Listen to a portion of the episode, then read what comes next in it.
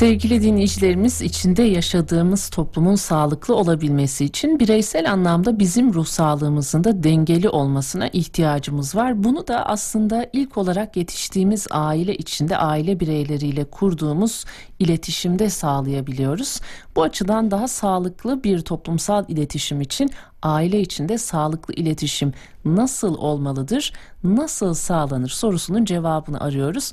Uzman klinik psikolog Pembesel Özdemir bizimle birlikte bize rehberlik edecek bu konuda. Sayın Özdemir günaydın, hoş geldiniz.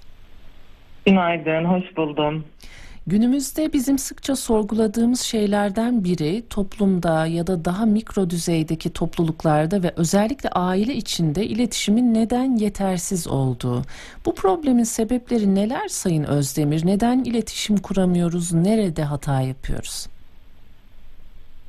E, iletişim kurabilmemiz için sadece kendimizi ifade etmemiz değil aynı zamanda e, söylenenleri de dinleyebilmemiz gerekiyor. Bu sebeple e, hem dinleyebilme becerimizi geliştirmemiz hem de kendimizi daha etkili nasıl ifade edebiliriz e, bu becerimizi geliştirmemiz gerekiyor. Fakat dediğiniz gibi iletişimde bazen e, bir takım problemlerle karşılaşabiliyoruz.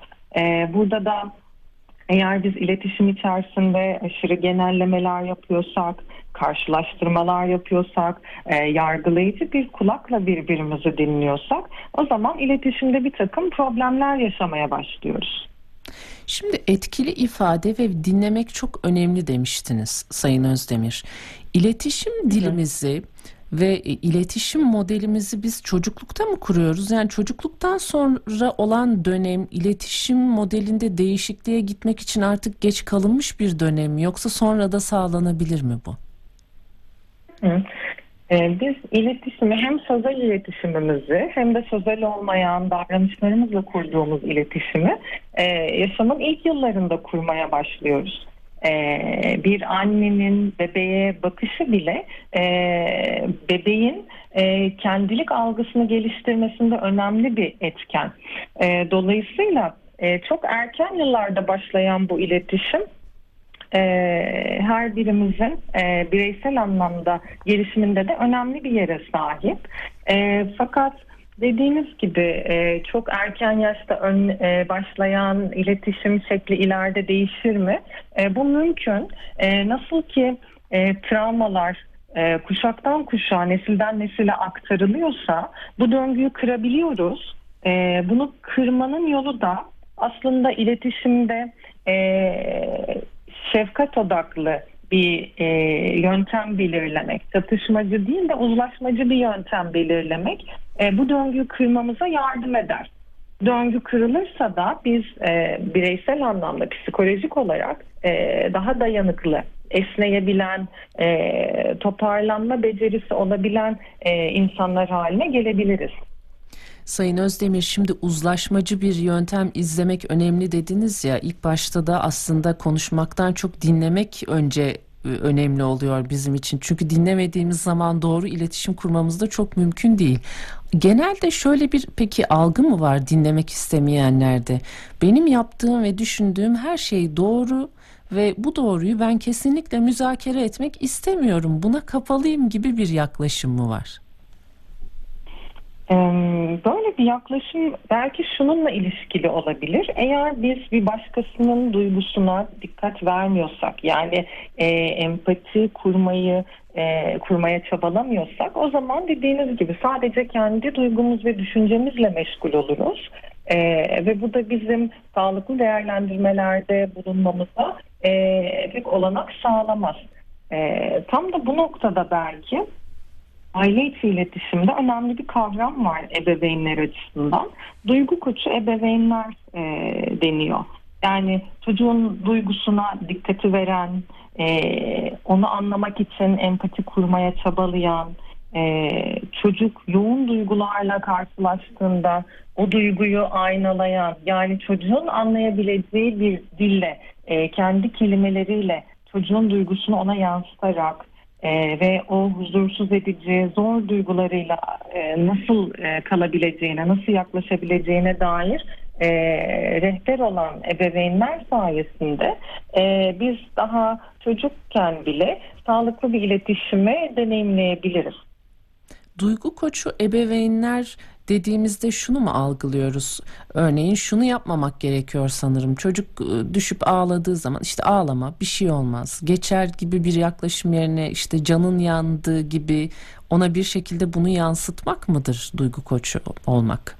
Evet, evet tam da böyle. Yani onun duygusunu görmek, e, o anda ne yaşadığını e, tekrar kendi ifadelerinizle ona vermek e, ve duyguyu yok saymak yerine o duyguda kalmasına bir alan açmak, e, onu o duyguyla birlikte kapsamak tam da e, bahsettiğiniz gibi duygu koçu ebeveynlik oluyor.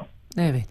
Şimdi bizim hem sözel bir iletişimimiz var dediniz hem de davranışlarımızla aslında iletişim kuruyoruz.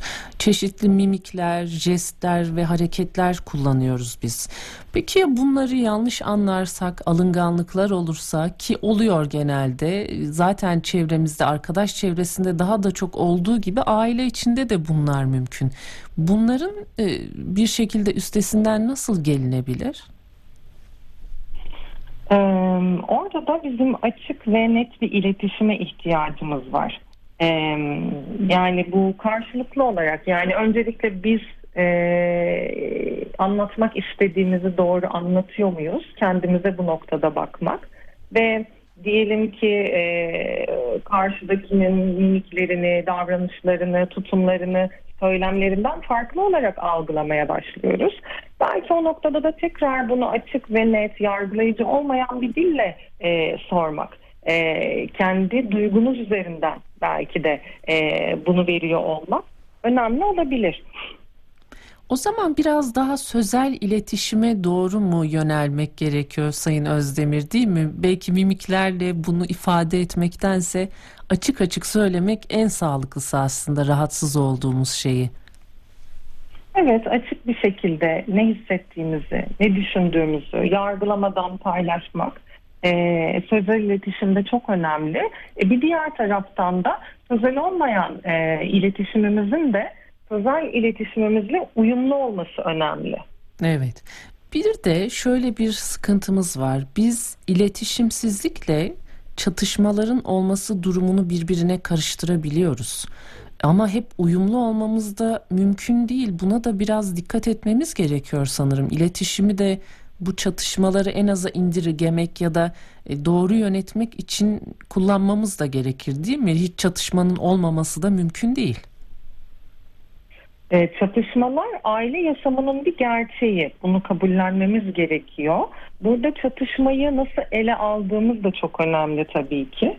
Şimdi eğer ki aile içerisindeki iletişimde e, çocukların duygularına rehberlik ettiğimizde veya e, aile içerisinde sadece çocuklar da değil değil mi eşler arası iletişimde de e, biz daha yakın, e, daha derin, e, saygılı ve samimi bir ilişki e, içerisinde olduğumuzda birbirimiz arasındaki o duygusal bağ da gelişiyor. E, ve bu aramızdaki o bağlanma ilişkisinin sağlamlığını da oluşturuyor.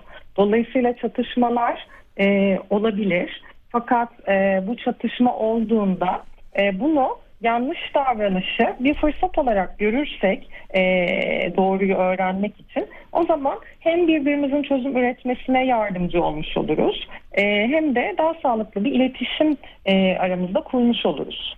Evet keza her konuda zaten aynı düşünmemiz de mümkün değil. Hepimiz farklı insanlarız. Aslında aile de bir mikro demokrasi gibidir ya Sayın Özdemir hep söylenir bu çocukluğumuzdan beri sosyolojik anlamda da önemli bir gerçeğe bu noktada dikkati çekmek gerekiyor. Demokrasinin ailede başladığı söylenir ve giderek topluma yansıdığı görüşü de dikkate alınır. E, aile içi iletişimin bu noktada ne kadar değerli kıymetli olduğunu da görüyoruz. Bir de şöyle bir şey var. Daha otoriter, dikte etmeyi seven anne baba figürlerinin olduğu ailelerde bu iletişimi kurmak daha da zor olabiliyor. Böyle durumlarda çünkü tüm iletişimi ya da iletişimsizliği diyelim tek elinde bulunduranlar da onlar. Birileri kendilerine giden yolu, kapıları kapattıysa iletişim ortamı nasıl sağlanacak, nasıl kurulacak? Ee, şimdi e, öncelikle şunu belirteyim. Sizin de söylediğiniz gibi her bireyin e, kendisi olmaya hakkı var. Her bireyin e, kendisi olmayı seçme özgürlüğü de var. Ve aile hem bireysel hem de toplumsal dinamikleri içinde barındıran bir kavram. E, bu sebeple eğer ki bizim e, daha aile içerisinde e, kendimiz olmayı seçme hakkımız veya özgürlüğümüz yoksa o zaman bu toplumsal dinamikleri de etkileyen bir faktör haline geliyor. Evet. Otoriter anne baba tutumu e, iletişim belki e, katı kuralların koyulması aileyi ayakta tutan bir zemin gibi algılanıyor ama artık e, geldiğimiz e, noktada biz biliyoruz ki otoriter tutum değil. Onun yerine pozitif disipline düstur edilmiş e, ailelerde sağlıklı bir iletişim kurmak mümkün oluyor. Çünkü çocuk e, ancak anlaşılırsa, ancak e, duygusu görülürse, yaşadığı her duyguya alan açılan, koşulsuz sevildiği bir ilişkide olursa o zaman anne babasını daha çok dinlemeye başlıyor.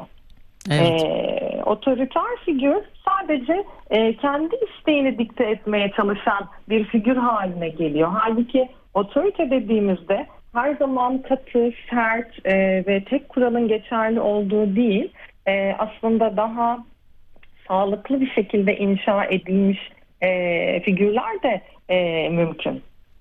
Sayın Özdemir çok kısaca bir şey daha sormak istiyorum. Aile içinde aldığımız sorumluluklar bizi iletişim noktasında birleştirir mi? Çünkü bu sorumlulukları aldığımız zaman bir bakıma hiç iletişim olmayan bir ailede bile iletişim kurmak zorunda kalabiliyoruz. Bunlar iyi şeyler mi sizce? Aile içinde sorumluluk çok önemli. Çünkü bu aynı zamanda bir yaşam becerisi. Ee, biz aile içerisinde sorumluluk aldıkça aldıkça artık ilerleyen dönemlerde toplumsal açıdan da e, farklı rollerimize geçtiğimizde e, sorumluluklar almamız gerekiyor. Diyelim ki e, çocuk büyüdü, öğrenci oldu, okulda alması gereken sorumluluk var ya da anne babanın e, eş olarak birbirine karşı sorumluluğu var. İş yerlerinde e, aldıkları pozisyonlarda sorumlulukları var. E, aile içerisinde bu sorumluluk alma becerisinin öğrenilmesi ve teşvik edilmesi çok çok önemli. Evet. Sayın Özdemir görüyoruz ki yine aile içi ilişkilerin düzenlenmesinde ve daha sağlıklı bir toplum için iletişim çok çok önemli. Uyum sağlamak, çatışmaların çözümüne ulaşabilmek için zaten iletişim kurmasaydık insan olmanın da bir anlamı olmazdı diye düşünüyoruz. Çok teşekkür ederiz bu konuda bizi bilgilendirdiğiniz ve katıldığınız için. Ben de çok teşekkür ederim davetiniz için. Kolaylıklar dileriz çalışmalarınızda. Hoşçakalınız.